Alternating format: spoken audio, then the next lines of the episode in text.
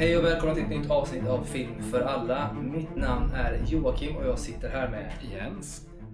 Och eh, detta avsnitt kommer vi att djupdyka lite grann i eh, hur man egentligen gör film från början till slut kan man säga. Eh, men innan dess, mina vänner, är det dags för nyhetssvepet.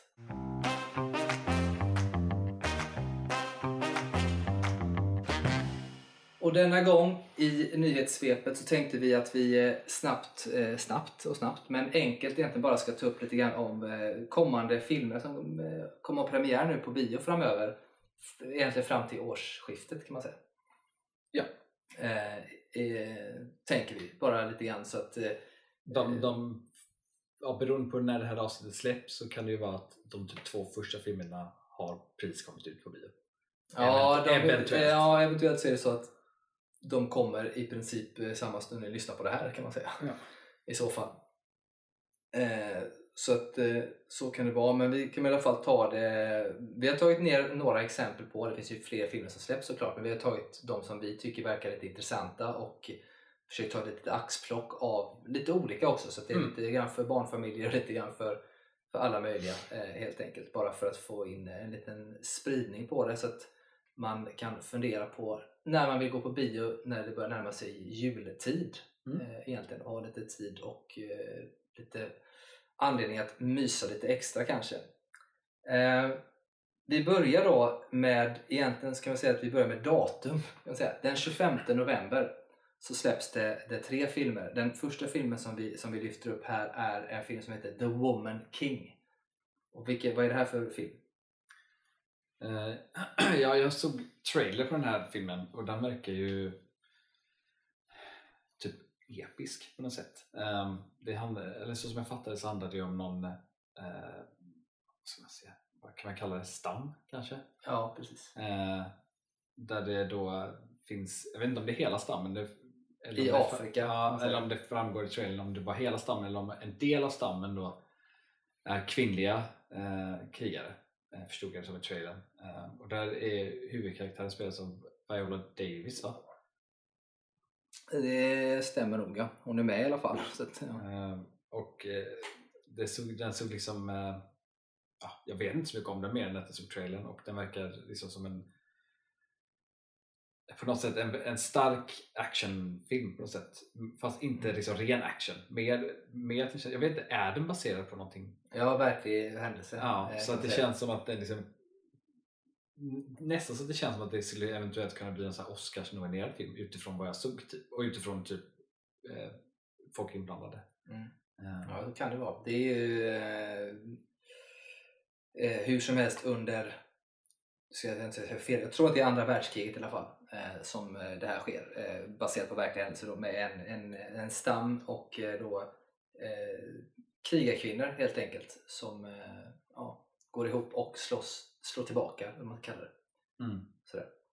Eh, Hon såg ju jävligt, i trailern ser hon ju jävligt ripped ut. ja, det kan man ju Ser säga. ut som hon har tränat som fan. Ja, det, det har de nog gjort allihopa. Man kan ju verkligen se det som att om man tittar på en film som eh, vi ska se alldeles snart idag, Black Panther, Mm. Wakanda Forever, Black Panther på, så är det ju inte helt olikt krigarkvinnorna i Black Panther. Nej. Fast det här är alltså verkligt eh, Jag kan tänka mig att eh, det kanske är lite inspiration från Säkert inspiration från detta i, från Panther skulle jag tro. Så The Woman King i alla fall är en sån eh, film som man absolut kan se. Female empowerment och eh, dessutom eh, historielektion och eh, förmodligen lite action i ett också. Mm. Tänker jag. Eh, den andra filmen som har premiär samma dag, 25 november, är eh, En annorlunda värld. Och detta är... Det är ju eh, Disneys nya eh, animerade film. Så det är, ja, det är inte Pixar som är inblandat utan eh, Disneys liksom egna eh, animationsbolag. Eh, så det är då skaparna av typ Frost och eh, Tangled och dem. Eh, och det är ju lite så här, det känns, den känns ju liksom inspirerad eh, av liksom samma era som typ eh, Star Wars var inspirerad av på många sätt. Alltså så här gamla Flash Gordon eh, serier typ känns den inspirerad av. Liksom, eh, framtid ute i rymden. Eh, tror den handlar liksom om eh, en eh, det är då en grupp, en grupp eh, av liksom olika karaktärer från ja, olika åldrar som då hamnar på en planet som jag fattar som då är den här annorlunda världen där allting är väldigt skruvat och konstigt och underligt. Men också då att eh, huvudkaraktären, hans far tror jag försvann. Och i trailern så ser man ju då att hans far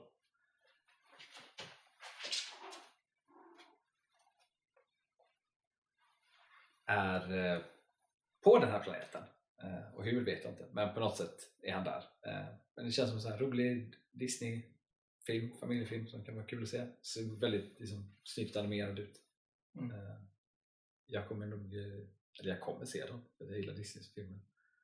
Och lite kul att se dem, det är kul när de liksom gör lite annorlunda ska jag säga, genrer. Det är alla är på något sätt familjefilmer, men eh, att de ändå är ute i rymden på något sätt. Mm. Ja absolut, det kan bli väldigt spännande att se. Eh, jag tänker mig med tanke på att det ändå har varit eh, filmer som de, de brukar bli stora på ett eller annat sätt. Alltså Frost till exempel. Jag menar, hur, hur ofta gick inte Let it go-låten liksom på, både på radio och bland alla barnfamiljer där ute.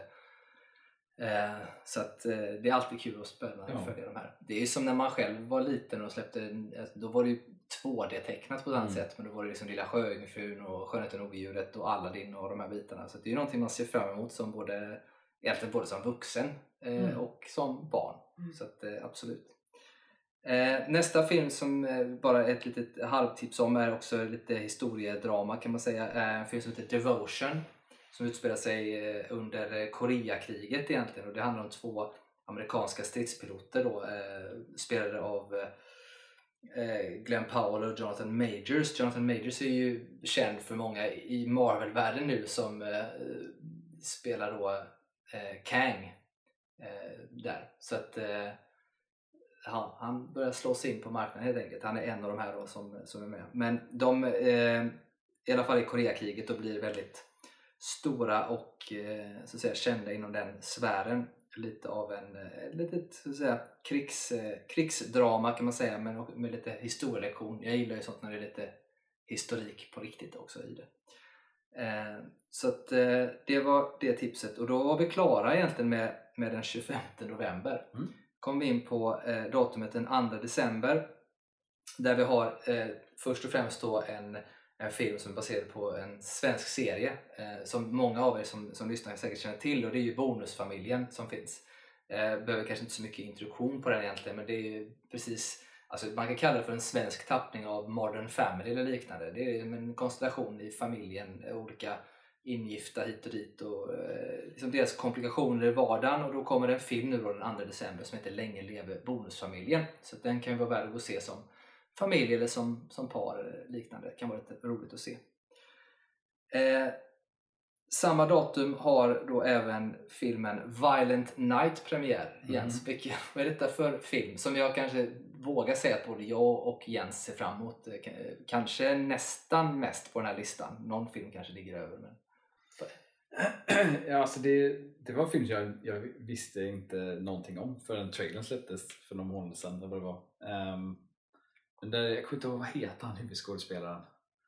Det är han som är sheriffpappan i Stranger Things. Jag kommer aldrig ihåg vad han heter. Ehm, men ja, det handlar ju om Alltså det, på något sätt i trailern också, David Harbour. Just det, David Harbour. Eh, I trailern så ser man ju då att det är eh, under jultid och att det är någon familj som ska fira jul och så kommer det ah, grupp bad guys av någon anledning. Man får inte veta allt såklart, vilket är bra, det är en trailer. Men de kommer dit och liksom ska ja, råna, ta grejer, jag vet inte, hota någonting med den här familjen då. Men samtidigt så ser man i trailern då att tomten finns på riktigt. Ja, tomten. Och det är David Harbour. Ja, han är där för att helt enkelt eh, lägga julklappar Ja, som tomten julklappar. gör mitt i natten. Så där. eh, och blir involverad i det här. Så att det är på något sätt liksom en, en actionkomedi. Fick väldigt så här starka Die Hard vibbar när jag såg trailern. Känns lite som när han Ja. Bruce Willis fastnar i, liksom, eh, to, i skyskrapan i första Die Hard. Ja, blir bara det. liksom tvungen till att bli hjälte. Och det känns lite likt här. Ja, Och att den är ju då såklart överdrivet våldsam och allt sånt där. Eh, det var ju skaparna av, eh, vilka var inblandade där? Det var väl, var inte några från John Wick som var inblandade i den här? Stuntteamet. Jo, precis. Eh, det stämmer nog. Och även eh, den där, eh, vad heter den filmen med Brad Pitt som nyss gick? Bullet Train. Bullet Train. Jag har för mig att det är liksom stund folk därifrån och skapare bakom som är involverade i den här Violent Night vilket säger väl lite om genren, vad det kommer vara. Liksom. Överdrivet våld, rolig, komisk. Man ska inte ta filmen för stort allvar.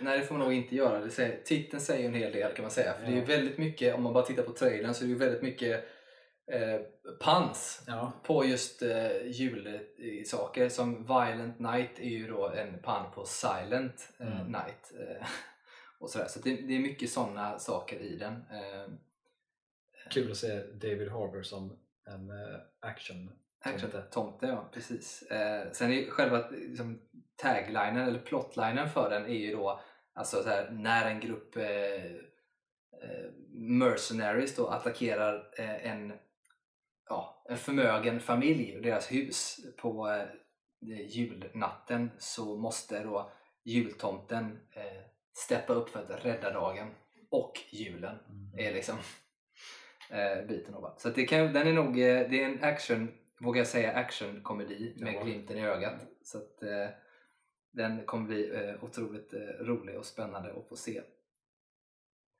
Eh, man kan också tillägga, ju, ju, en, en grej till som står på affischen är ju Better Watch Out och så är det en bild på tomten. Ju Better Watch Out, Mm. better not, eh, här, från låten. Då. Så det är mycket sådana julreferenser som kan vara lite roligt.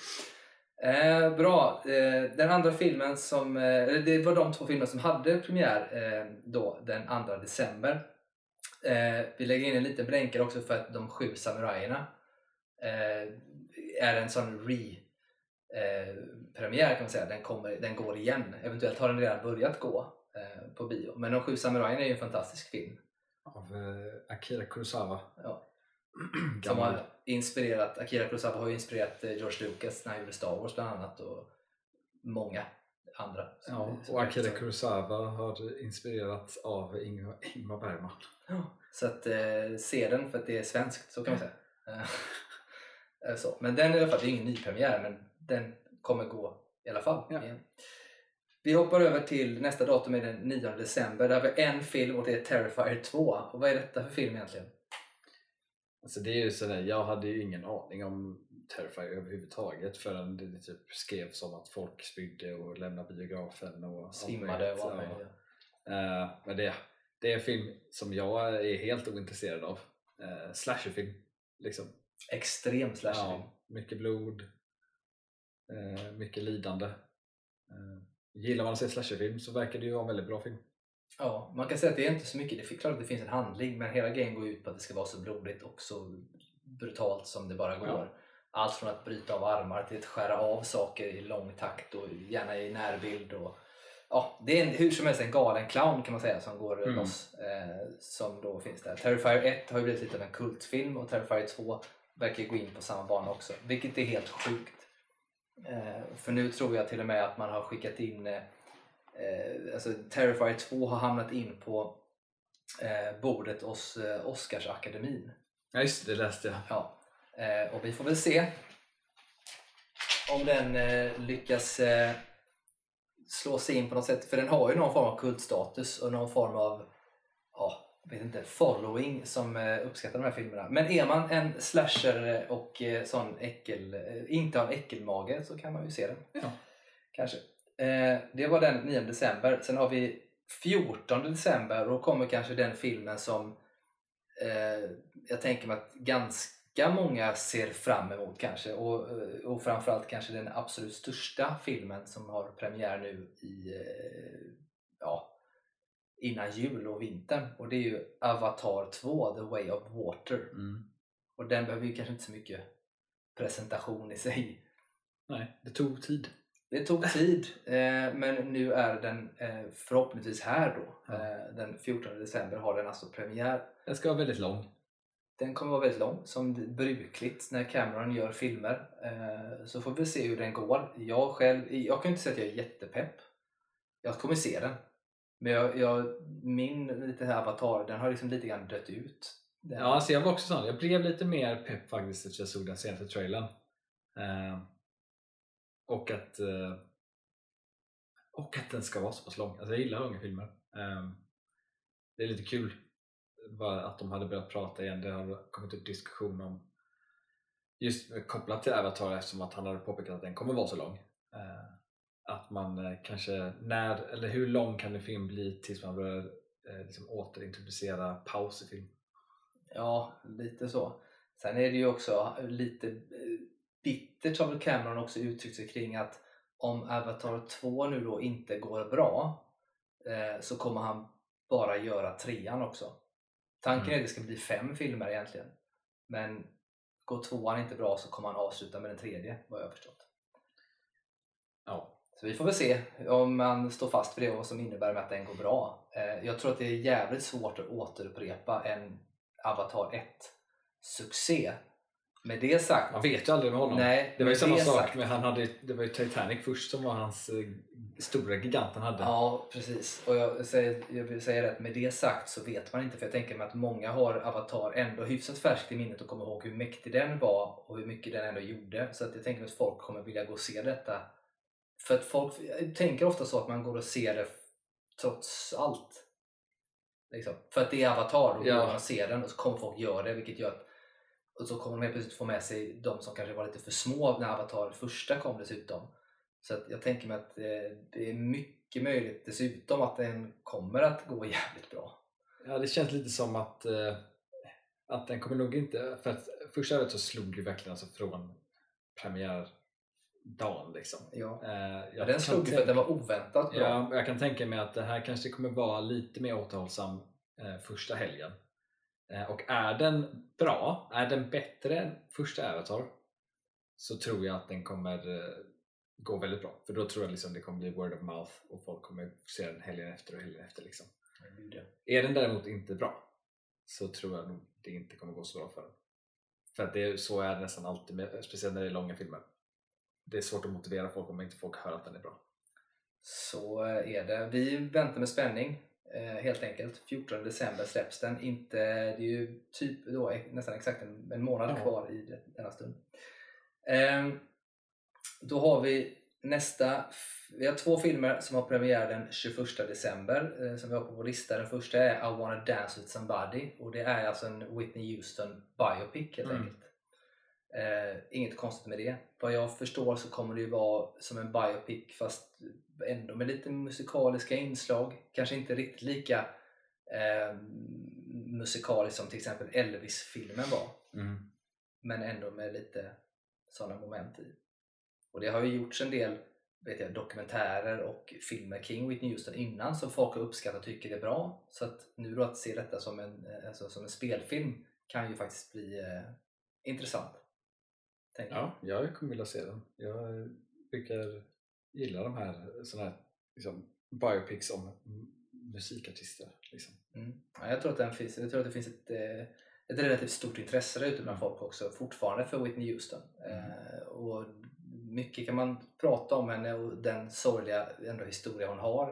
Eh, men sjunga som fan kan hon. Riktigt jävla bra. Eh, till något helt annat som har premiär samma datum, den näst sista filmen vi kommer att tipsa om här, är Mästerkatten 2 den 21 december då också. Ja, det är en sån där film eh, Dels att eh, jag kommer ihåg när vi kom ut med Mästerkatten eh, vilket var såhär, jaha nu gör man en, liksom en offshoot från Shrek eh, och jag tycker att Mästerkatten-filmen är såhär oh, ja, verkligen mellanmjölk, inget speciellt alls. Så när de kom ut med att ja, vi ska göra en tvåa så jag såhär, ja, v- vem är det här för? Däremot när jag såg trailern så såg jag att de har ju gått en helt annan riktning med animationen. Det är en annan typ av animation. Eh, Mm. Mer, mer liksom att det känns nästan lite stop motion nästan. Ehm, så typ av, av den anledningen känns det intressant bara ur ett tekniskt perspektiv att se på film ibland. Eh, jag gillar ju typ all animation så att det är kul att se bara av den anledningen kanske. Sen kan det också kanske vara bättre än man tror eftersom det gått en så pass lång tid från den första. Så man får väl se. Antonio Banderas är med eller, i alla fall igen. Ja, om man ser den på engelska det vill säga. Ja. Man kanske ser den på svenska om man är en familj och så vidare. Då? Men den är ju som sagt, eh, man själv som är halvt i alla fall uppvuxen, man var ju hyfsat vuxen när, när Shrek kom i och för sig men eh, så perfekt ålder egentligen för att uppskatta den typen av humor. Eh, så kan det vara lite roligt. Men i alla fall kan vara mysig att se som familj. Och se. Mm. Jag tror att det finns mycket i de här som jag tror att man som vuxen kan tycka är roligt också. Ändå. Det är Mm. en del, del sådana skämt. Eh, sista filmen på den här listan och kanske den som jag ser fram emot mest av alla här. Mest, mest för att jag har så mycket förhoppningar för det. Och det är ju då eh, UFO Sweden eller UFO Sverige. Mm. Eh, helt enkelt. Vad, vad är detta för, för film? Vi har nämnt den lite kort innan, men vad är det för något? Det är ju eh, nya filmer från de här skaparna Crazy Pictures. Eh, gänget som eh, gör film eh, gör film på egen hand. Eller de började utanför systemet, eller man säger. Eh, de blev ju nästan lite så här halvvirala för med sina kort, kortfilmer och sånt där. Men de Ja. gjorde ju En blomstertid. Nu kommer. Ja, Ja. Blomstertiden kommer gjorde de. Och innan det så gjorde de, om man youtubar poesi för fiskar. Ja, Där har du ju alla deras gamla... det, det var ju där de började. ja, Eh, men En blomstertid, de, de gör ju liksom Det är en grupp filmskapare som liksom gör Gör allt själva på något sätt Eh, Och använder liksom alla trick de kan för att eh, få till det de vill liksom. Och den förra filmen tyckte jag var bra, En blomstertid kommer Bara att den kanske inte höll hela vägen men eh, det är kul att se någonting som är svenskt och som inte är så vanligt. Alltså det är en annan, liksom, ja, nu var ju Blomster nu kommer var ju liksom mer av en vad ska man säga, actionfilm typ och lite så här Ja, det är- spänning, spännings, action, ja alltså det är ju mysterie. action, eh, sci-fi, katastroffilm. typ. Ja, och det är inte det vanligaste vi ser i Sverige så det är kul att se, också kul att se någonting som görs mycket med just den filmen var ju Kickstarter tror jag, lite annat sådana saker, att pengar kom från andra håll Ehm, så det är kul att se vad de gör med sin nya film Ehm, kul att se en, en eh, UFO-film Mm. Svenskt perspektiv, fick lite, fick en lite IT-känsla något Ja, verkligen. Jättemycket sån IT-känsla. Ja. Eh, och även närkontakt av tredje. Lite Eh, här så- 80 80-talsinspirerad sci-fi känsla lite så. Ja, precis. Ja, men det som de gör bra, eh, Crazy Pictures, är ju just att även i Poesi för fiskar, som är jävligt roliga många gånger, men de gör ju också just att deras actionsekvenser är så verkliga. Alltså det är som en Hollywoodfilm. Alltså det är riktigt bra eh, grejer. Det är liksom ingen låg Ja, alltså de, de siktar högt. eh, eh, och ja, enormt högt och det, det och är inte använder väldigt, eh, alltså de använder grejer som inte, speciellt inte i Sverige är vanligt. Alltså i Blomster det kommer så använder de liksom miniatyrer och sånt där vet jag. De använder liksom leksaksbilar i stort sett. För vissa och scener. möjligt, ja. Ja. Och det är liksom, ja, det, det, det är liksom ovanligt i Sverige. Eh, Men man gör det bra ska man säga. Ja, de gör det bra. Det är bra. väldigt bra.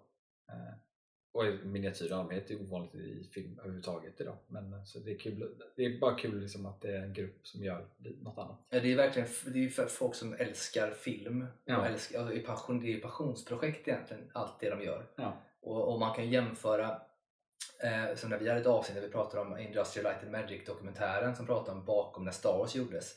Det här är ju ett sånt gäng Mm. som i princip tar till alla medel för att få till bra saker på film. Mm. Och testa liksom nytt, testa gammalt, gör allting bara för att få till det med, med de medel de och gör det så fruktansvärt jäkla bra. Eh, sen tycker jag att Den blomstern kommer, den börjar bra, den är ganska intressant i mitten. Sen är det tyvärr att den håller verkligen inte hela vägen och slutet gör att den, tycker jag, tappar ganska mycket rent i, i om man ska sätta ett, ett, liksom, ett betyg på den så tappar den tack vare det. Eh, så, sen är det ju, som sagt, har man ju stora förhoppningar nu då. Och det hade ju varit kul att ha att de får slå igenom. För det har vi pratat om innan. Problemet med svensk film många gånger att man kanske inte satsar på att göra just sådana här saker. Men nu har den premiär den 25 december, årets liksom, vad säger, jag, Det är, är typ då svenskar går och ser på bio liksom. Ja, men det, är så här, det brukar alltid vara känt att den 25 december har alltid en stor svensk Mm. julfilm, eller så här, filmpremiär. Och jag tycker att det säger någonting att det ändå är den här som får den äran, eller vad man ska säga Mm. att göra det. Så att eh, jag är, är lite inne på att man skulle kanske till och med gå, gå den dagen. Bara för att jag brukar inte göra det. Men just för, det här, för att det är de här och man vill stötta dem så, så kanske man kan göra det. Eh, alternativt eh, två dagar efter eller något. Jag vet inte. Mm. Eh, ser jättemycket fram emot det i alla fall. Hoppas att det blir bra. Mm. Det var allt för veckans nyhetssvep. Då eh, går vi in på dagens eh, ämne, tänker jag. Och dagens ämne är eh, helt enkelt att vi ska titta lite grann på hur, hur gör man film egentligen från början till slut? Vi kan inte gå in så mycket i detalj på allt, det kommer vi ha andra avsnitt om kanske. Men vi tänker att vi ska ta det från, från någon typ av liksom, idé till produkt eh, egentligen någonstans då. Och då tänker jag att vi, eh, vi, vi börjar helt enkelt med att vi tänker oss in i en situation att eh, vi just nu då är i alla fall ett produktionsbolag Mm. som då har eh, upptäckt en, eh, ja, en bok, eller vi har fått ett manus skickat till oss kan vi säga, som vi tycker är bra. Vi vill göra film av det här manuset. Vad är det första vi börjar med ens? Vad gör vi då? Ja, alltså om det, om det är eh, alltså boken att man fått inskickat så skulle jag nog säga att det första man gör är att se till att man har rättigheterna. Så eh, är det någon, men är det ett inskickat manus så är det någon som vill eh, att man gör film. Eh, Men eh, ja, det allra, allra, allra första från ett produktionsbolags perspektiv är att säkra rättigheter. Att, att eh, på något sätt köpa loss så att rättigheterna ligger hos en. För man kommer inte börja göra en film om man inte har det. Liksom. Eh, Så det är nummer ett. Eh, Sen egentligen, alltså lite svårt att tänka sig om man tänker egentligen att man har fått ett manus inskickat till sig. Det är så himla ovanligt. Vad är det vanligaste? Alltså det, det vanligaste idag är ju nästan att det är typ böcker och sånt, alltså adaptioner eh, egentligen. Att, att, för det är stort både i film och TV. Eh, så att jag vet många, när jag hade haft praktik och sånt på bolag så var det ofta så här, bara att hålla ögonen öppna för alltså böcker i stort sett. Det kommer alltid in manus hela tiden, konstant. Eh, det är bara att det är så mycket det är inte ett lika säkert kort för ett produktionsbolag på något sätt. Alltså, vet man att det finns en bok som är rätt populär så har man alltså en, en publik från start. Mm. Ehm, Men vi tar det därifrån. Vi tittar rättigheterna. Du har en bok du som är intresserad av. Du har fixat rättigheterna till boken. Vad gör vi härnäst? eh, näst är att hitta eh, manusförfattare i stort sett. Mm. Ehm, att ta in någon, ofta så blir det ju man tar in någon man antingen vill jobba med eller någon man känner till, någon som har gjort någonting tidigare som man vet är bra eller någon manusförfattare man vet funkar för vad för typ av berättelse det då är man vill säga. Eh, så man tar in manusförfattare, har mycket möten eh, om, om vad, vad, vad liksom manusförfattarna typ vill ha sagt liksom med det. Ofta är det liksom flera möten med olika skapare.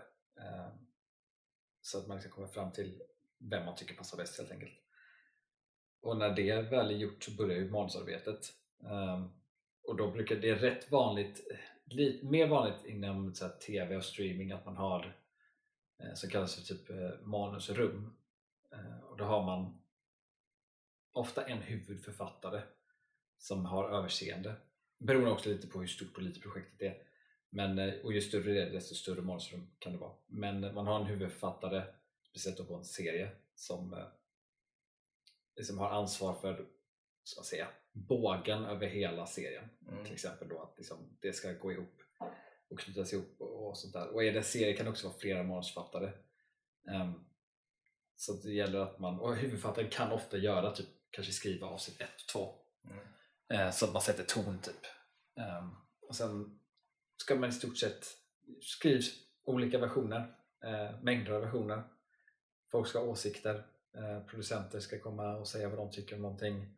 Man har förmodligen även då redan i manusarbetet börjat prata med regissörer ehm, som är intressanta att ha. Men i detta då när, det, när man sitter med manusförfattararbetet och har börjat det och börjar närma sig någon form av, av, av slutmanus eh, på det, så där, är det är det framförallt producenten och manusförfattaren som sitter med detta eller är det någon annan inblandad i den här processen?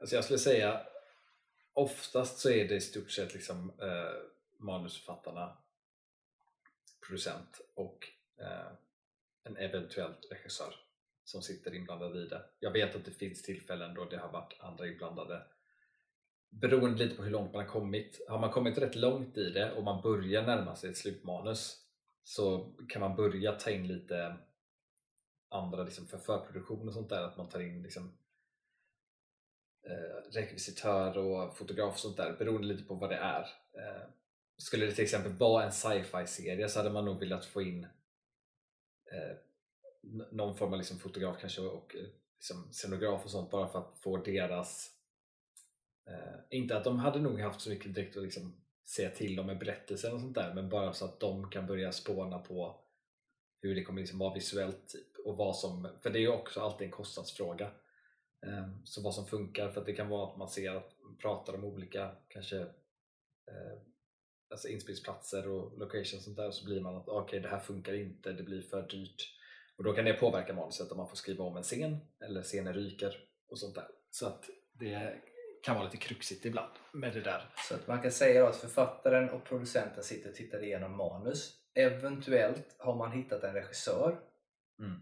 eh, man kan titta på Sen beroende på då vad det handlar om såklart så, så börjar du då behöva ta tag i, i dels vad du behöver ha för typ av studio kanske, alltså för att spela in och rekvisita, alltså scenografi och det.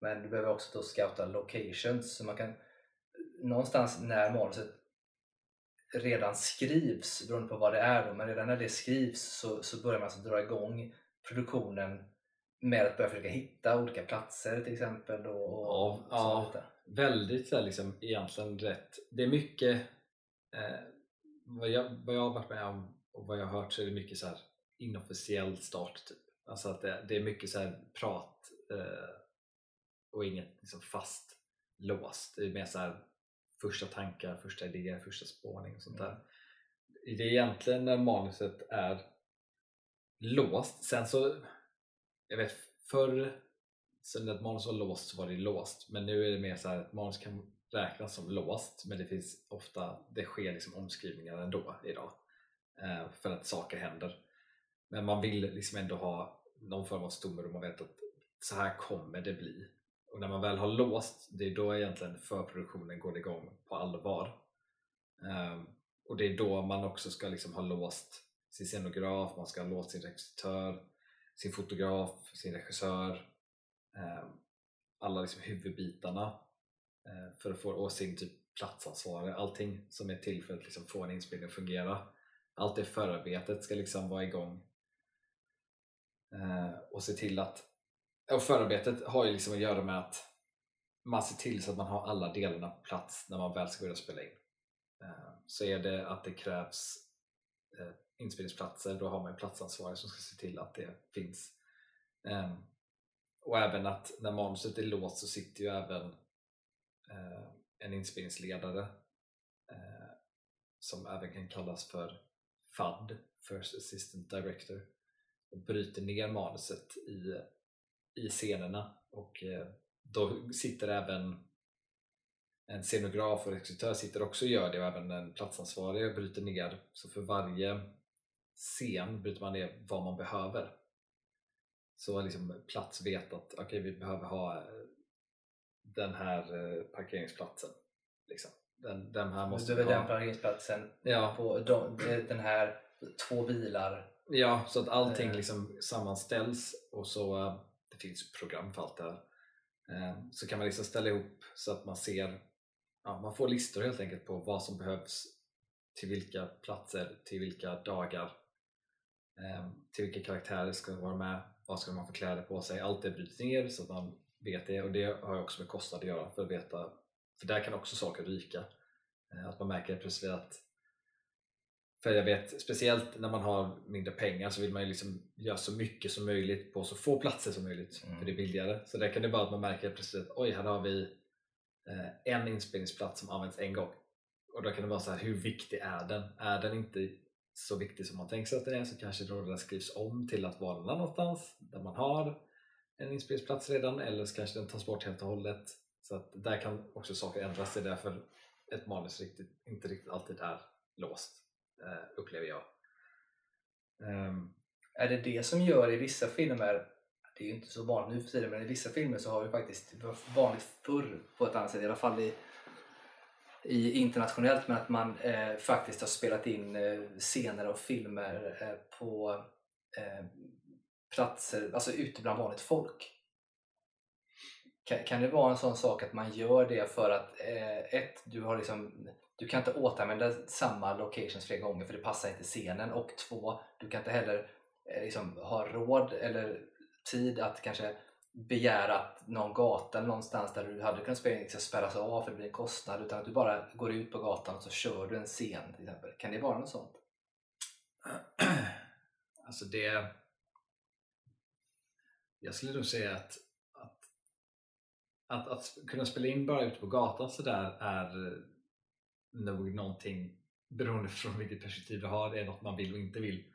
För jag tror platsansvarig skulle ty tycker nog att det är svinjobbigt att man släpper ut bland folk för det är svårt att hålla koll på människor. Liksom. Mm. Uh. Ett berömt exempel är ju till exempel Tutsi som spelades in. Det finns en berömd gång när han går på gatan ja. och tappar klacken så här lite grann. Den är ju inspelad bara helt random på gatan. Folk liksom halvt vände sig om efter och tittade, vilket inte skadade filmen, det funkade ju.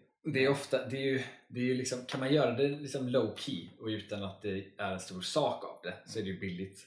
Uh, typ alltså som i Tutsi är det ju bra för att där vill man ju få in miljön. Alltså det är New York, det är mycket folk mm. och där då får du ju det gratis. Mm. Uh, ska du försöka göra det åt tre statister så blir det ju pengar det mm. kostar. Liksom. Men jag tänker så enkla scener som ibland kan vara att det, de ska ses på något ställe. Säg att man har en scen på ett hotell. Det är mycket krångligare att ha en, en diskussion mellan två hemliga spioner på ett hotell för du behöver ju spärra av, du behöver ha tillgång till hotellet och så vidare. Men istället att köra det på eh, högsta våningen i ett eh, parkeringshus det är ju billigare. Där, där, där det liksom inte finns, du behöver kanske inte boka, du kan bara ge dig ut och, och göra det relativt, relativt ja, enkelt. Alltså det, sättet att, att, att, bara åka någonstans du spelar in det är ju väldigt så här, låg budget. Det gör man ju om man har det väldigt, väldigt snålt.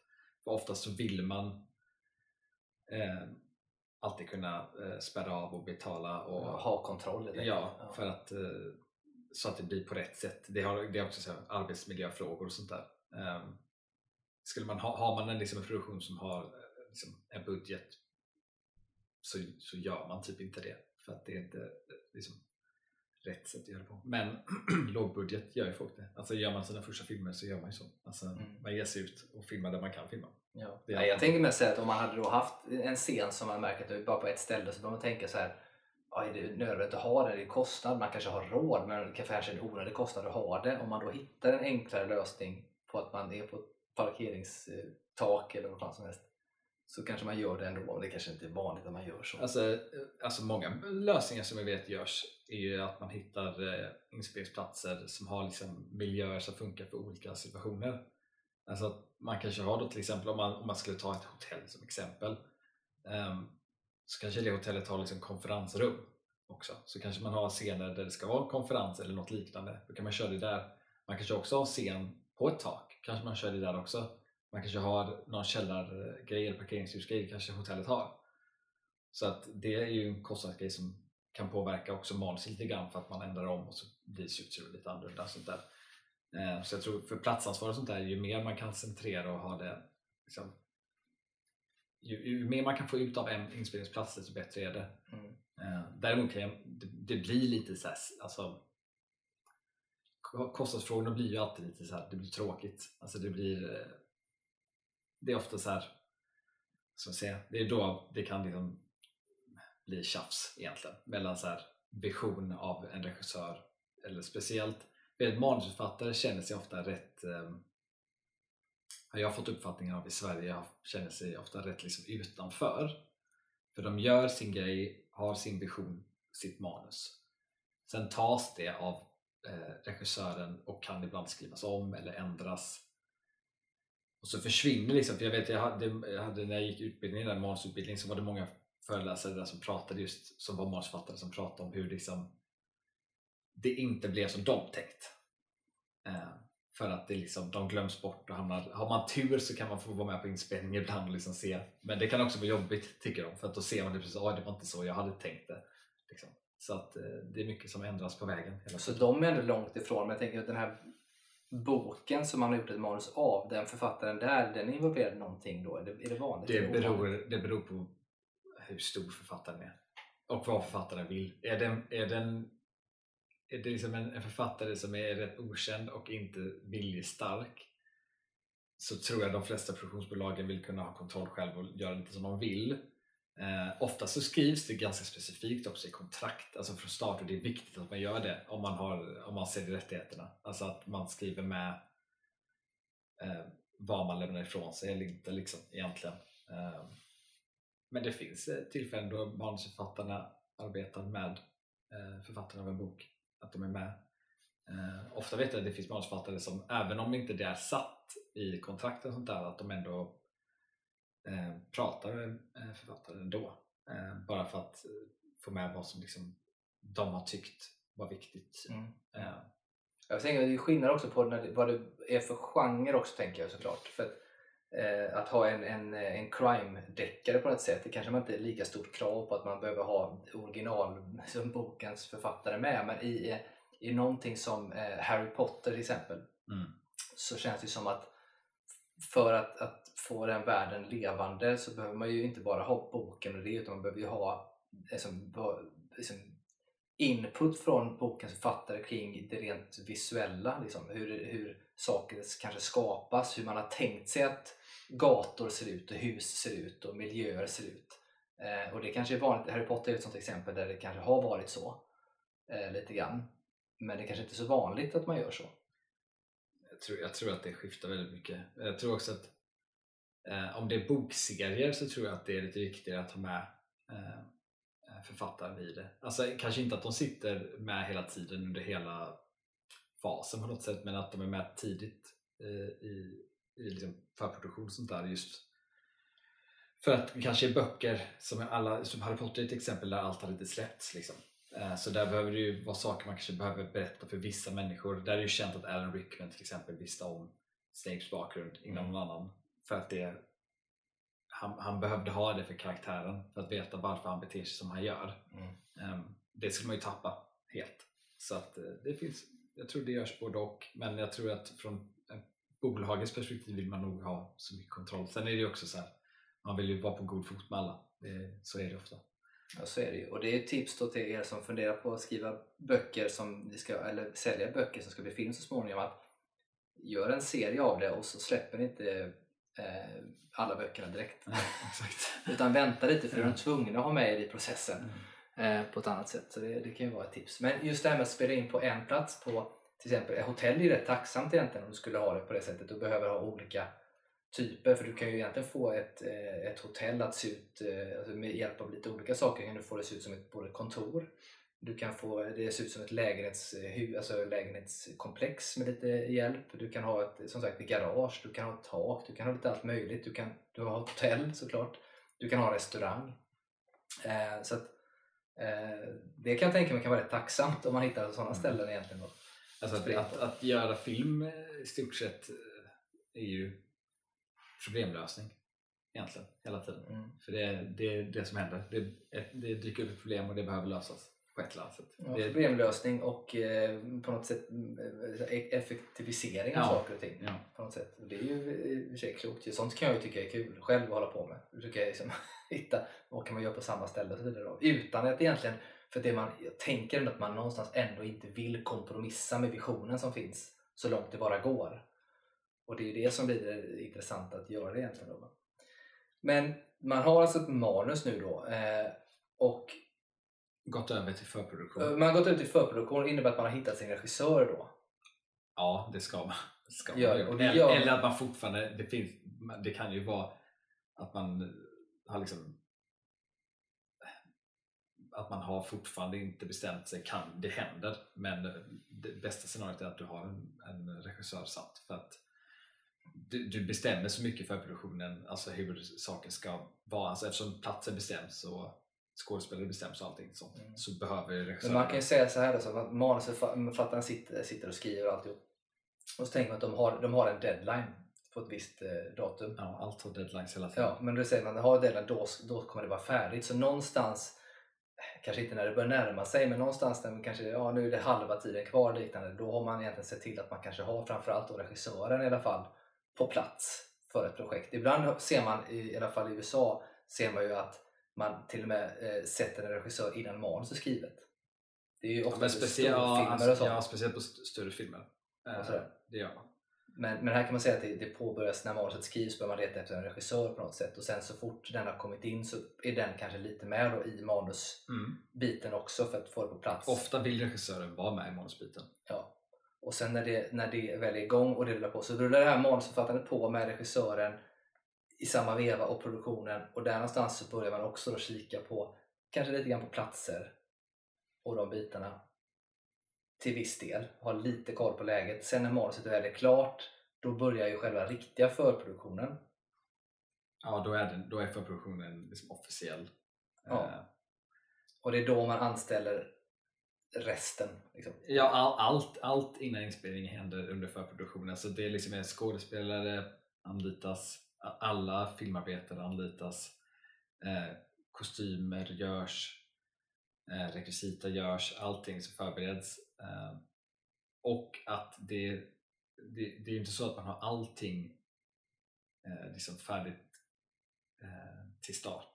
För ofta är det ju så att det är alltid liksom, man försöker, det är lite som att liksom regga spåren framför tåget liksom hela tiden. Mm. För det är liksom att när väl eh, förproduktionen liksom då är satt eller deadline har nått dit och man ska börja inspelning har man gjort ett bra jobb där så är det ju att allt som behöver vara klart för den första veckan är klart.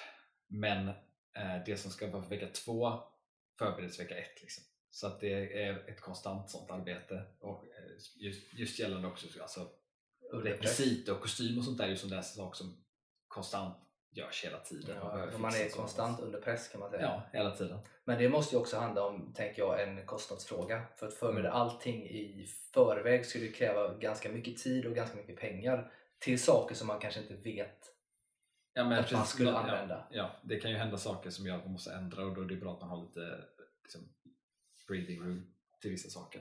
Men eh, alltså en, liksom, om man tar en, liksom, en inspelningsdag så här, bara liksom, Men jag, tänker, jag tänkte typ. precis säga det, vi börjar så här, dag ett, nu, vi vi ska göra det väldigt, väldigt eh, konkret och tydligt så här. Eh, om vi tar dag ett, första dagen inspelning. Du har, det kommer vara två skådespelare i denna scenen. Det, det, du har Mm. två skådespelare i denna scenen. Vad, vilka, liksom, hur ser dagen ut? Hur börjar den? Vad är, det, vad är det som kommer hända på dagen? Och vilka, intressant mest kanske, vilka är på plats? ja, det, det skiljer sig. Alltså, Jag tar- vi tar jag tar typsnitt av typ- någonting, Typ, liksom. liksom. Ja. Men eh, alltså, man har ju ett, eh, något som kallas för dagsbesked. Eh, och det liksom är information för varje dag. Och man får alltid, ofta har man liksom dagsbesked för man får det för en vecka. Mm. Men sen Det som på också, engelska kallas för call sheet, eller? Ja, eh, och där står all information man behöver liksom veta från dag till dag, alltså både starttid och sluttid för alla involverade. Eh, och alla har olika beroende på vilken del av avdelningen du är på. Eh, och sen slutet på varje dag får du alltid liksom morgondagens dagsbesked med liksom tydligare information. Och dagsbesked ändrar sig typ alltid för att saker händer. Men en dag börjar dagsbesked man har att utgå ifrån så skulle jag säga att typ första på plats är ju nog då platsansvarig, han ska ha koll på det. Eh, I samband med eh, liksom, eh, vad ska man säga, eh, i Sverige skulle man nog kalla det lite så här för foto, det blir ju typ fotografiavdelningen för det blir liksom elen, eh, alla som har, liksom, har med el att göra eh, och ljus att göra. Eh, och fotografen brukar, kanske inte att A-fotografen, huvudfotografen behöver inte kanske alltid vara där först men eh, de bästa är det tycker jag. Eh, men att i alla fall eh, man är där och sätter upp, liksom. det är det man gör, det är det första man gör. Så Samtidigt man, sam- man förutsätter ljud, ljud, ljus, foto mm, kan man säga är där alltså, och, och lägger upp, eh, liksom, förbereder inför. Ja, och eh, scenograf och rekvisitör är där beroende då på vad det är för något. Är det, Mm. liksom, är det en plats med, med, där man behöver göra mycket så är de också där från start. Det är ofta de som är där tidigast Mm. på morgonen, om det då är morgonen man börjar. Eh, och sätter upp. Eh, I samband med det så eh, bör producenten och regissören vara igång på rullning. På- Samtidigt är det lite senare då eller? Alltså de, de har nog startat och haft liksom, de, är, de behöver nödvändigtvis inte kanske vara där men de har liksom startat sin dag förhoppningsvis Mm. och koordinerat med varandra och koordinerat och sånt där men eh, de behöver nödvändigtvis inte ha kommit till plats än. Eh, men sen så ofta, beroende, ofta har man ju liksom smink och kostym brukar vara på en annan plats. Så ofta är det att eh, inspelningsassistenter åker och hämtar skådespelare, tar dem till smink och kostym där de görs i ordning. Och sen när... Sker detta samtidigt som att de Det beror på hur mycket som görs, men ungefär samtidigt. Så alltså, ljud och ljus de börjar sätta upp på själva location på Mm. platsen och platsansvariga de är där. Eh, på annat håll, ungefär runt samma tid, så börjar smink och kostymör eh, med skådespelaren kan man säga. Ja. Alltså assistenterna hämtar Mm. skådespelare till detta under tiden. Ja. Medan då under, när detta händer så har producenten och regissören antingen förmöte eller snackat ihop någonting på plats eller kanske på väg till Ja, eller, eller på kontoret. Ja, För samtidigt som allt detta händer så på kontoret är eh, liksom det mer administrativa och lite av en, liksom, ska säga, en typ eh, hubb av saker. Är det liksom att eh, fadden behöver, från, han kanske är på inspelning då och behöver veta någonting eh, så ringer de kanske då någon eh, inspelningsledare eller, eller produktionsledare som sitter på kontoret Mm. och liksom Fadden, sitter eller regi, regiassistent, regi, regiassistent vad säger, man på svenska? First assistant director heter. Ja, inspelningsledare skulle man kunna säga. Ja. Ehm, och de, de inspelningsledaren har, alltså, där är verkligen, har man en bra inspelningsledare så flyter det på rätt bra. Har man inte en bra inspelningsledare så blir det bara bråk. För det är de som har liksom koll på vad som sker dag till dag och vecka till vecka. Eh, det är de liksom, har, regissören ehm, en undran vad som ska ske nästa dag, då är det Fadde som ska veta det. Liksom. Ehm, så eh, samtidigt som allt är igång så eh, när, när skådespelarna då förhoppningsvis är klara ehm, samtidigt som det är klart på set så skjutsas de dit så görs det liksom sista justeringar alltså med ljus och sånt där. Det brukar ofta vara att man sätter har man, har man haft eh, tur produktion så har man haft standings där och kunnat liksom ljussätta lite genom att ha folk på plats och Mm. ljussätta men oftast någon korrigering när de är på plats och alltid folk som är framme vid, som man ser, man kan ju se sånt alltid när en skådis står så är det alltid någon som är framme och pillar i håret eller rör kläderna. Det är regissören och kostymören som är framme och bara ser till att allting är som det ska. Och då ska även regissören också vara där. Ehm, och eh, då gås det alltid liksom igenom, när alla liksom är redo så gås det igenom vad de ska göra. Regissören går igenom med skådespelarna hur scenen kommer gå till. De pratar om liksom, ja, liksom vart de har varit. Liksom, för att en, en film, det är i och för sig inte så självklart, en film spelas ju nästan, nästan aldrig in i kronologisk ordning. Inte helt i alla fall. Nej. Så att eh, det kan ju vara att första scenen du börjar med kan vara liksom 50 minuter in i filmen och att det har hänt saker så att skådespelare och regissören de går igenom liksom vart är vi i, i den här karaktären nu i filmen. Vart, vad har hänt innan och vad kommer hända och så vidare. Så de gör ju det samtidigt som man liksom eh, alltså det, allt det här beror lite på hur involverade skådespelaren vill vara i vissa saker och hur involverad, eller hur bra relation regissören och fotografen har för att ofta så går man igenom liksom eh, vart, vart man ska gå. Det blir väldigt tekniskt liksom att eh, man säger till kanske en skådespelare du behöver vara här i början av det här shotet och eh, när ni har sagt det här bla bla bla så kommer ni gå dit och så har man ofta liksom, man kan markera i golv vart de ska gå och hur de ska röra sig. Det är väldigt, väldigt tekniskt ofta. Eh, så går man igenom det och gör en repetition av scenen. Vissa spelar in repetitionen. Eh, inte, det är vanligare idag eftersom det är digitalt. Det var inte vanligt förr, för film kostar pengar. Ehm, så när man hade kemisk film så var det dyrare. Men eh, ofta så gör man bara repetition för att göra det. Då gör man även kamerarepetition. Man kanske inte rullar, men man, man gör det man ska göra. Mm. Och när allt det är klart eh, så kör man på första tagning. Eh, och då gapar, det beror på, är man i ett rum så gapar man inte. Men oftast är det rätt högt. Att Fadden säger tysta för tagning. Och så säger man kamera ofta. Och så säger kameramannen eller kameraassistent rullar. De ser med ljud och ljud konfirmerar att det rullar. Och så, klipper, eller så klappar man med sin filmklappa som där all information. De, de idag, jag har inte riktigt, det är så många olika klappor idag så jag vet inte ens vad eh, folk använder idag. För förr var det bara en analog klappa. Mm. Med, Och klappar kan vara lite intressant att veta vad man har den till egentligen. Var, varför har man en sån? eh, alltså främst förr hade man ju det för att kunna synka ljud och bild. Mm. Man slår till ett högt ljud så man ser, man hör vart det är så man vet att det stämmer överens med det. Då kommer munnen stämma överens med ljudet senare när man sitter i postproduktionen. Eh, idag har ju Klappan liksom flera grejer. Dels är det att det är ljudet men det är inte riktigt lika petigt med ljudet längre för att det är så mycket digitalt. Men det är främst en traditionsgrej. Men det är också att det står eh, scennummer, det står regissör, det står fotograf, det står eh, vilken dag man är det står vilken dag, det står eh, tidskoder står det ofta som är, idag också nu synkas varje gång så att ibland när det sker felklappar så blir som rullar allting, då blir det att det blir liksom en bortkastad tagning. Man kan liksom inte börja från noll utan då får det bli en bortkastad tagning.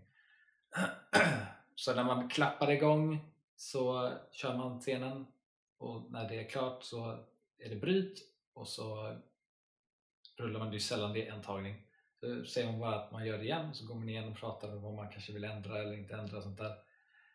Men där är också med klappan är där CFCn, där sitter ju en eh, vad heter det nu? Det heter eh, Skripta som sitter, de har en jätteviktig roll för de sitter och eh, eh, skriver ner då varje gång det är en ny tagning så skriver de ner vad det är för tagning och allting det som står på klappan och eh, de är liksom där för att hålla koll så att det inte blir vad man kallar för typ klafffel och ett klafffel är att om det då är två karaktärer så kanske en håller i ett glas vin säger vi i scenen och så gör man då från en vinkel och så kanske man byter vinkel sen och så har då skådespelaren glömt att använda glaset. Då blir det ett klafffel. Det blir att när man klipper sen så kommer man se att ena stunden håller skådespelaren ett glas och andra inte. Så skriptan är där för att liksom skriva ner sådana notiser och även när det gäller typ kostym och sånt där att det kanske är då i, i filmen så har liksom kanske eh, kostymen eh, gått sönder lite och då gör man en notis om det så att man vet att när man återkommer till den här scenen kanske vid ett senare tillfälle eller att man då ska göra en scen efter kronologisk ordning, då i filmens ordning, så vet man att okay, den, den har gått sönder vid det här laget. Eh, så vet man också att om vi då gör en scen senare i inspelningen som utspelar sig tidigare så vet vi att i den scenen ska inte det vara den kostymen. För den har en repa i sig så det behöver vara en annan kostym. Mm. Så de är där för att liksom hålla koll på små detaljer om saker. Och de skriver ner, de har ofta eh, mycket dialog med eh, regissören. För det är ofta att regissören sitter och pratar och liksom säger att typ, den här tagningen tyckte jag var bra göra en notis om det för regissören har, kommer inte ihåg alla tagna i huvudet liksom. så då vet man att okay, den här på grund av den här anledningen tyckte regissören var väldigt bra mm. Eh, så kan man gå tillbaka till det sen när man kollar på tagningen mm. Så skriptans jobb, för fan vad det låter jobbigt. Ja, det är väldigt mycket. Det är också med bra Då kan man ju på ett sätt ha lite större förståelse för när man tittar på film och ibland ser du vet, folk som är inne och gnäller på att ja, han hade örhänge i vänster öra den gången och så var det höger i nästa scen. Då kan man ha lite mer förståelse för det lite mindre förståelse när Starbucks-kaffe dyker upp i Game of Thrones-serier. Eh, den, den, den, borde man ju kunna ta kan man tycka. Men det är ju också upp till skådespelare som kanske dricker kaffet att inte ställa det där, eller vad det än kan vara. Då. Uh, nej, så det är bra, skriptan är viktig såklart. Uh, men då har du haft den här inspelningen uh, och det, och det är så jag tänker, när, när klappan går, det är då man ska köra igång. Det är inte på action och då kör man. Det, ja, Utan man det, säger rullar action. Alltså när, klappan, när klappan är, då, då trycker man record. Då, då är allt liksom igång så.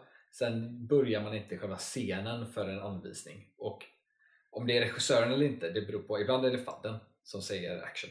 Ibland regissören. Det mm. beror säger på man action i Sverige också? Ja, ofta. Ja. Eller så kör de varsågod, varsågod har jag hört många säga. De säger varsågoda eller någonting, så kör de. Um, men där är ju så, liksom när det är klart på en inspelningsdag Eh, man har gjort. För ofta är det ju, en scen är ju inte bara en för då kan man dela, en scen kan man dela in i shots och shots är liksom då, vad ska man säga, vinklar typ. så det är liksom helbild, halvbild en, en bild på en karaktär, en bild på en annan karaktär så att man delar upp en scen i shots mm. och sen har shotsen då olika tagningar beroende på hur många gånger man bara kör liksom, shots. Så shot, ett shot kan ha fem tagningar, nästa shot kanske har tre tagningar beroende på hur det går um, så när man har då sen tackat för dagen så beroende på då, ska man inte vara där längre då packas allting ihop. Oftast så skådespelarna åker tillbaka för att få bort kostym och allt sånt där. Regissören åker för att eh, ja, åker för att antingen koordinera någonting för dagen, dagen efter eller så åker de eh, till sitt hotell eller hem. Ehm, och får ofta, eh, idag sker det ofta att man har, förr så åkte de till kontor och sånt men idag har man, man har dagstagningar som man kallar det. Att man, då sitter eh, något som kallas för DIT som jag inte riktigt kommer ihåg vad det står för nu. Digital Intermediate Technician, tror jag. Mm. Och det är de som då på, när man har tackat så är det de som tar minneskorten. Det gör de i och för sig under hela dagen eh, för att minneskort tar ju slut, eller hårddiskar tar ju slut så, att man tar det och eh, kopierar konstant under dagen, gör DIT. Så de tar minneskort eller en hårddisk, kopierar till fler, Säkerhetsgrejer. Ja. till fler hela tiden. Eh, och de sen, DIT då, när man har tackat för dagen, de åker till eh, kontor och eh, kopierar igen och samtidigt eh, lägger upp tagningarna så att eh, eh, främst regissör, fotograf och producent kan se på kvällen vad man gjort. Ehm, för då vet man också om det har blivit som man tänkt sig eller om någonting kanske sket sig, ljudet var helt kaos, någonting har hänt. Behöver vi göra detta igen? Behöver vi göra en ändring? Ja, man kan också börja bilda sin uppfattning om vilken, vilken, liksom, vilken take som var bäst. Ja, exakt. Man kanske har så här, ja, de här två var nog bäst, jag ska Ja. välja bland dem sen Ja. och så. Ja. Så att eh, det sker och sen då om man eh, alla andra, liksom, de som var där först på dagen, de är även där sist på dagen för de ska rigga ner allting. Eh, så Är att det- de där under hela dagen? Ja, Ja. Eh, i stort sett. Eh, Det kan vara platsansvar, platschefen, han kanske inte alltid är där hela dagen. Det kan vara så att han eh, sticker iväg för att förbereda dagen efter. Ja, Ibland. så kan det vara. Men jag tänker mig att de som ändå gör de här bitarna, de kanske inte har så mycket att göra alltid under dagen. Om allt flyter på. De har ju lite, säkert lite att ställa Ja. om och så. Men jag tänker mig att de kan ju ändå ha det hyfsat gött. Det, det är stå still och vänta. Typ. Ja, men sitta och kanske kan ta sig en Jag skulle kaffe nog inte påstå att någon har det gött. Nej, det är jobbigt att vänta för sig. Nej. Det är det ju. Och sen tror jag inte någon kan stå heller. Det finns, nog, nej, det finns inte tid att någon kan stå och, och, och, och bara ta det lugnt. Det, det finns det inte. Alla måste alltid vara beredda. Skulle man stå skulle man stå, våga gå iväg och typ ta en, en kaffe och så råkar det vara att det är en tagning då man behöver ändra en, en lampa och du inte är där. Om man ropar in gaffern eller någonting sånt där och Ja, de inte är på plats. Då, då, då kommer du, då, då är det inte bra. Eh, Det kommer inget igång. Så att du, liksom, du är alltid där hela tiden. Ja, nej, så du har det då. Men, så skådespelarna är ju egentligen de som åker först. Förutom inspelningsledarna då man behöver förbereda så att säga. Men skådespelarna blir skjutsade tillbaka, får ta av sig sina De grejer. åker direkt så fort det är Ja, tack. de tar av sina grejer. Och sen har vi då till exempel då att, att regissör och mer av de här som jobbar med den här kreativa processen, de kanske börjar ta sig tillbaka till sina hålor eh, Ja. därefter. Ja. Medan då de som var där först, vi pratade ljud, ljus, foto, egentligen princip är kvar för att plocka undan och Ja. plocka ner. Yes. Eh, och beroende på hur länge man är kvar beror på vad man har. Ska man vara där dagen efter så behöver man inte rigga ner allting. Då kan man sluta lite tidigare. Men ska man till en ny location då är det verkligen rigga ner allt. Men så det är typ, det är typ en dag egentligen eh, i stort sett. Mm. Eh, så fortsätter det så, löper på. Ja, så gör man det då. Och när i processen kommer till exempel eh, om det, för det beror på vad det är för typ av film, men det behöver vara någon, så att det är en film som har effekter i sig, specialeffekter. När i processen kommer de in? Är de bestämda i förproduktionen och de är med från början? Eller? Vad menar du för specialeffekter? Nej, men det kan vara allt möjligt tänker jag egentligen. Det Ja, kan vara men- allt från att göra eh, liksom, ett virtuellt djur som ska hoppa omkring till, eh, till att det filmas med, med green screen och ska läggas in en För bakgrund. det, det, är ju separ, det är ju separata grejer Mm. som har sina egna avdelningar. För det är ju, undrar, vad kan det kallas på svenska? Jag vet inte vad de, hur de delar upp det, men på engelska är det ju, det är ju eh, SFX och VFX. Mm. Och SFX det är ju, liksom, det är ju specialeffekter och det innebär att det är någonting alltså in camera. Så det skulle vara en, alltså en bilkrasch är en, en liksom specialeffekt som ska göras i kameran. Medan skulle man göra det digitalt då är det VFX, då är det efterarbete. Ehm, och allt sånt är, planerat i, innan. Det vet man på dagsskeden och i förproduktionen. Så, att, så att med SFX fattar man ju för det är stuntteam och allt möjligt som ska vara med där såklart i sånt. Men jag tänker med VFX, när man jobbar med de virtuella effekterna och så vidare. Eh, den, det, det bolaget det man säger, som ska göra det i, som man då bestämt, det bestäms redan i förproduktionen vilka det är. Ja, för de, de, de planerar, de är redan igång med, beroende på vad det är för effekter och sånt där, då, men eh, de är ofta igång så tidigt som möjligt. Eh, oftast så kommer de in för sent, alltså att de anlitas för sent efter produktion, men de, de vill komma in så tidigt som möjligt och det är bättre om de kommer in så tidigt som möjligt och det är även bra om de kan ha någon supervisor från eh, bolaget på plats också när det är dagar då det ska, eh, man vet att det ska vara VFX i. Um, det, det, är lite det, det, är inte så vanligt i Sverige kanske för att vi gör inte så mycket på det sättet eh, i Sverige för vi har inte så storskaliga filmer men eh, i USA och större liksom i Bollywood och i Kina så, där, så är det väldigt vanligt att du har en supervisor där som, som plockar upp element. Alltså när, när du gör VFX så vill du ha så mycket data som möjligt. Så man kan ju se bak, bak, bakom material kan man ofta se en snubbe som går runt med en liten boll på set. Och det är för att liksom, eh, silver. Ja, och det är för att kunna ta eh, HDR-information eh, så att när man har den bollen då med foton och sånt där så registrerar man, då, då får man, eftersom den är silvrig som en spegel så får du hela miljön så när du sen då tar in ett program så, får det, så kan du eh, applicera, om du säger att du ska göra om den här miljön digitalt så kan du applicera det på den digitala miljön. Eller kanske ha en reflektion från ett håll bakom skådespelaren till exempel. Mm. Eller att du behöver måla ut en skådis eller någonting. Så har du den informationen där och kan göra det. Eh, så ju mer av dem du har på inspelning desto bättre egentligen, bättre resultat blir det. Mm. Eh, men i, jag skulle säga, i vanligaste fall vad man liksom hör i Sverige så är det ofta att de kommer in lite för sent, de har alldeles för lite tid på sig. Ehm, och det blir väldigt mycket, har, har de tur så har de börjat få in hårddiskar eh, under inspelning eh, för att kunna påbörja liksom. Och det är, det är ju enklare som allting har blivit digitalt. Så att klippning och sånt där börjar ske tidigare och tidigare Liksom, att man börjar klippa under inspelning liksom. um, och väntar inte tills allt är klart utan man, man det. Mm. Men då gör, vi, då gör vi ett litet hopp då. Nu har man gjort de här, haft 40 dagar av det här. Alla helt slutkörda och så vidare. Filmen är eh, klarinspelad. Vad, vad händer nu? Då är, sitter eh, klipparen främst eh, och gör en grovklippning. Hur involverad regissören är med varierar från projekt till projekt egentligen. Och hur tillgänglig regissören är. Och om det är en serie eller inte. Är det en serie med flera regissörer, för det händer ju också, ehm, då kanske liksom huvudregissören är involverad eh, lite grann. Eh, men ofta så sitter klipparen och gör en version och sen så ska folk tycka och tänka, producenter och sånt där ska tycka och tänka och det klipps om. I samband med det, alltså man vill ju klippa det så fort som möjligt för att kan man låsa en del av klippningen så kan man också påbörja eh, VFX.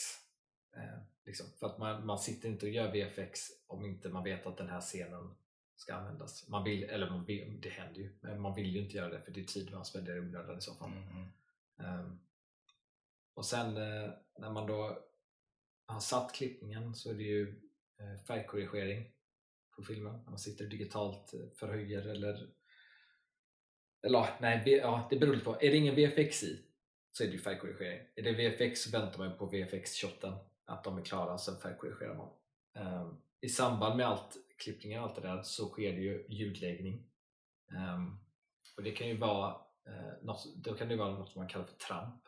Att man gör uh, ja, man spelar helt enkelt, man, man har som en skärm när man tittar på filmen och spelar in ljud i efterhand för att mycket ljud man ser på film är inte det ljudet som egentligen händer. Ehm, så då har man sådana studios där man har liksom, det ser ut som typ en skräptipp ofta inne dem. Mm. För de har de samlar på sig så mycket grejer.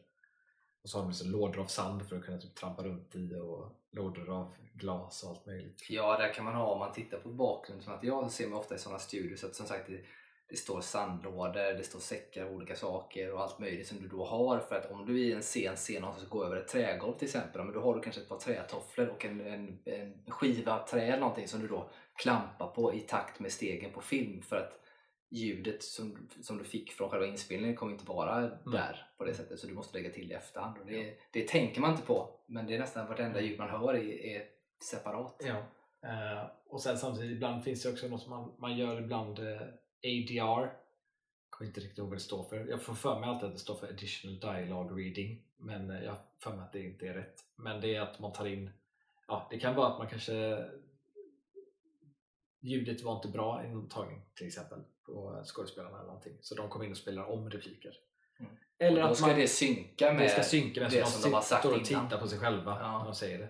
ibland kan det vara att man skriver om repliker helt och hållet. Um, och säger att man kanske använder repliken, liksom, att någon säger och ser man bakhuvudet av den. Eller Mm, sånt där. precis, ja. Så att man kommer in och, och, och lägger till nya grejer och ändrar och sånt där med dialog.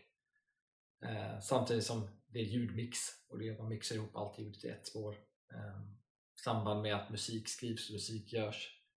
Eh, så allt det här är liksom postproduktion som det kallas. Eh, Och musiken påbörjas väl lite grann kan du påbörjas under tiden du spelar in också. Ja, alltså det är rätt. Alltså jag kan tänka mig att de, de börjar nog, en kompositör börjar nog kanske tänka liksom teman och känsla. Men eh, det, jag skulle nog inte säga att man, man sitter nog inte och spelar in någon musik förrän man har en rätt låst version. Eh, för att det är timing som gäller, du behöver veta. Eh, men kan du sitta och, tänka teman och sånt där så är det bra. Alltså jag vet, ju mer man kan göra samtidigt desto bättre och mer kostnadseffektivt är det Um, men så när VFX är klart, om man då har VFX, eh, och klippningen är klar, färgkorrigeringen är klar, ljudläggning, ljudmixning, kompositören har spelat in sin musik, det har också mixats in. Eh, så är det i stort sett nästan helt klart. Eh, rent alltså, produktionsmässigt på det sättet. Men sen så är det ju Idag görs saker, man gör olika versioner sen, alltså i mixningen eh, ofta. Eh, man gör liksom en bioversion där man har en typ av mix med ljudet för att det är ett ljudsystem. Sen har man liksom en, en version som kanske är då streamingversion där man har mixat ljudet lite annorlunda. Även kanske färgkorrigerat lite annorlunda också ibland. Um, och sen kanske man gör, beroende på vad det är, är det så här är det kortserier till exempel, jag vet, då kan man tänka till och med till att man vet att det kommer att ses på typ paddor och på telefoner och sånt och då gör man ytterligare en mix för det så att ljudet blir så liksom, bra som möjligt eh, för liksom, det, det, man tittar på. Ehm, och i samband med postproduktionen och allt det där så börjar ju liksom marknadsföring, det är ju en del av det.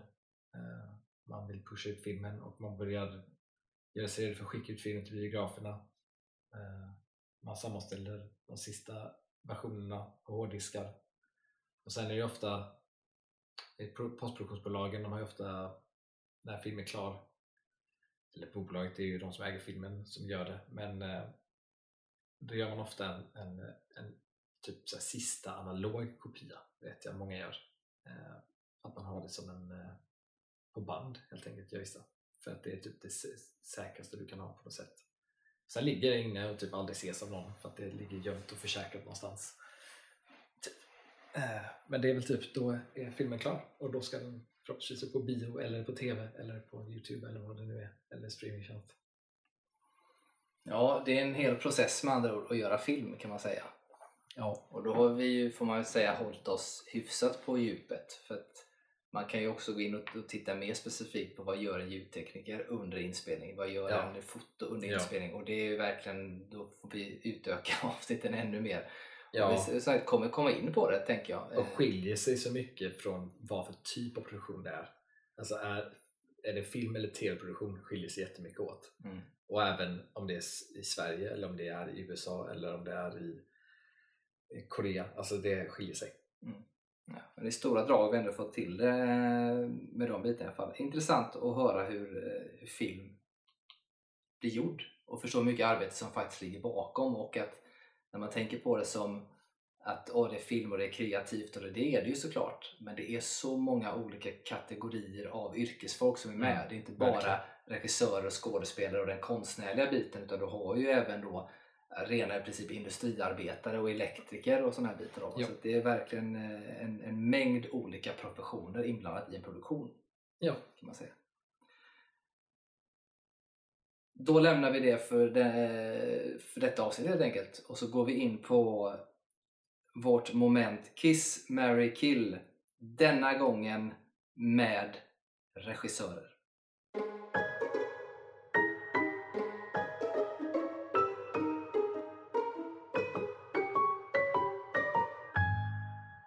Och denna gången så skulle vi alltså ta då regissörer. Tre stycken som vi ska eh, ta upp här. Och då har vi, skriv, skriv, kom ihåg nu, jag ihåg? Första Steven Soderbergh. Mm.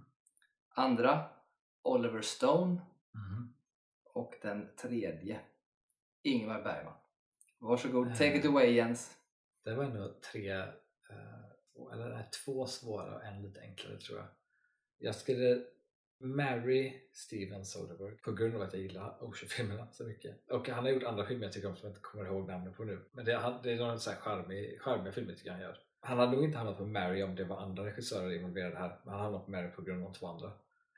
Sen, sen vill jag killa Bergman.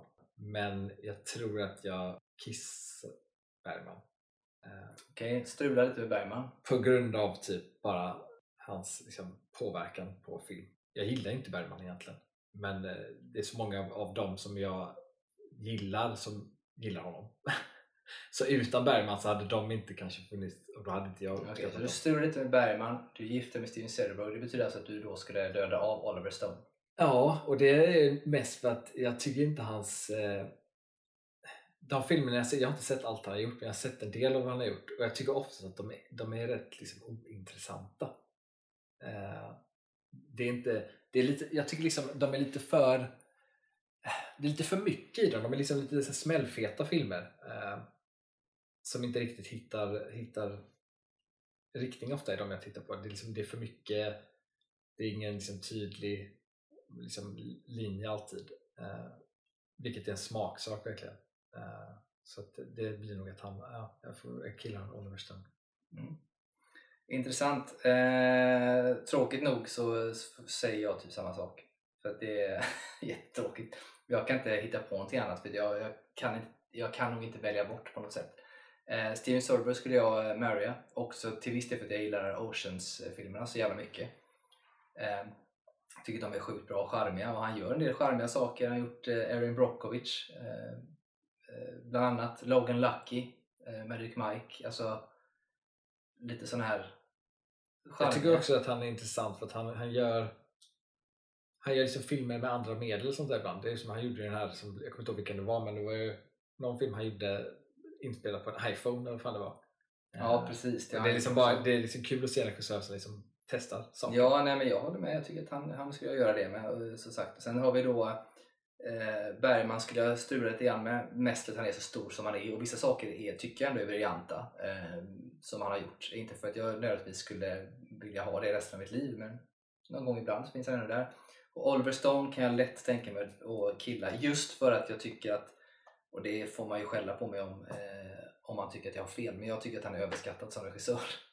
Jag, jag tänker två filmer jag tycker om. Jag tycker om Alexander, jag tycker om JFK och jag tycker om Plutonen som han har gjort. Eh, men jag skulle kunna vara utan dem också. Mm. De, eh, det, det är typ de, resten av grejerna han har gjort. Han har gjort en del sådana här som The Doors till exempel, att han följer band och sånt. Mm. Eh, Så här, på det sättet du gör liksom tour, liksom dokumentärer nästan. Men jag tycker fortfarande inte att eh, nej, det är ingenting jag behöver och är lite av en överskattad eh, regissör. Så Mm. att jag säger samma sak. Tråkigt nog, men så Mm. blir det ibland. Mm. Eh, det var allt för oss denna veckan, tänker jag. Mm. Nu ska vi eh, iväg. Så att, eh, tack för oss, så hörs vi. Ha det! Ha det bra.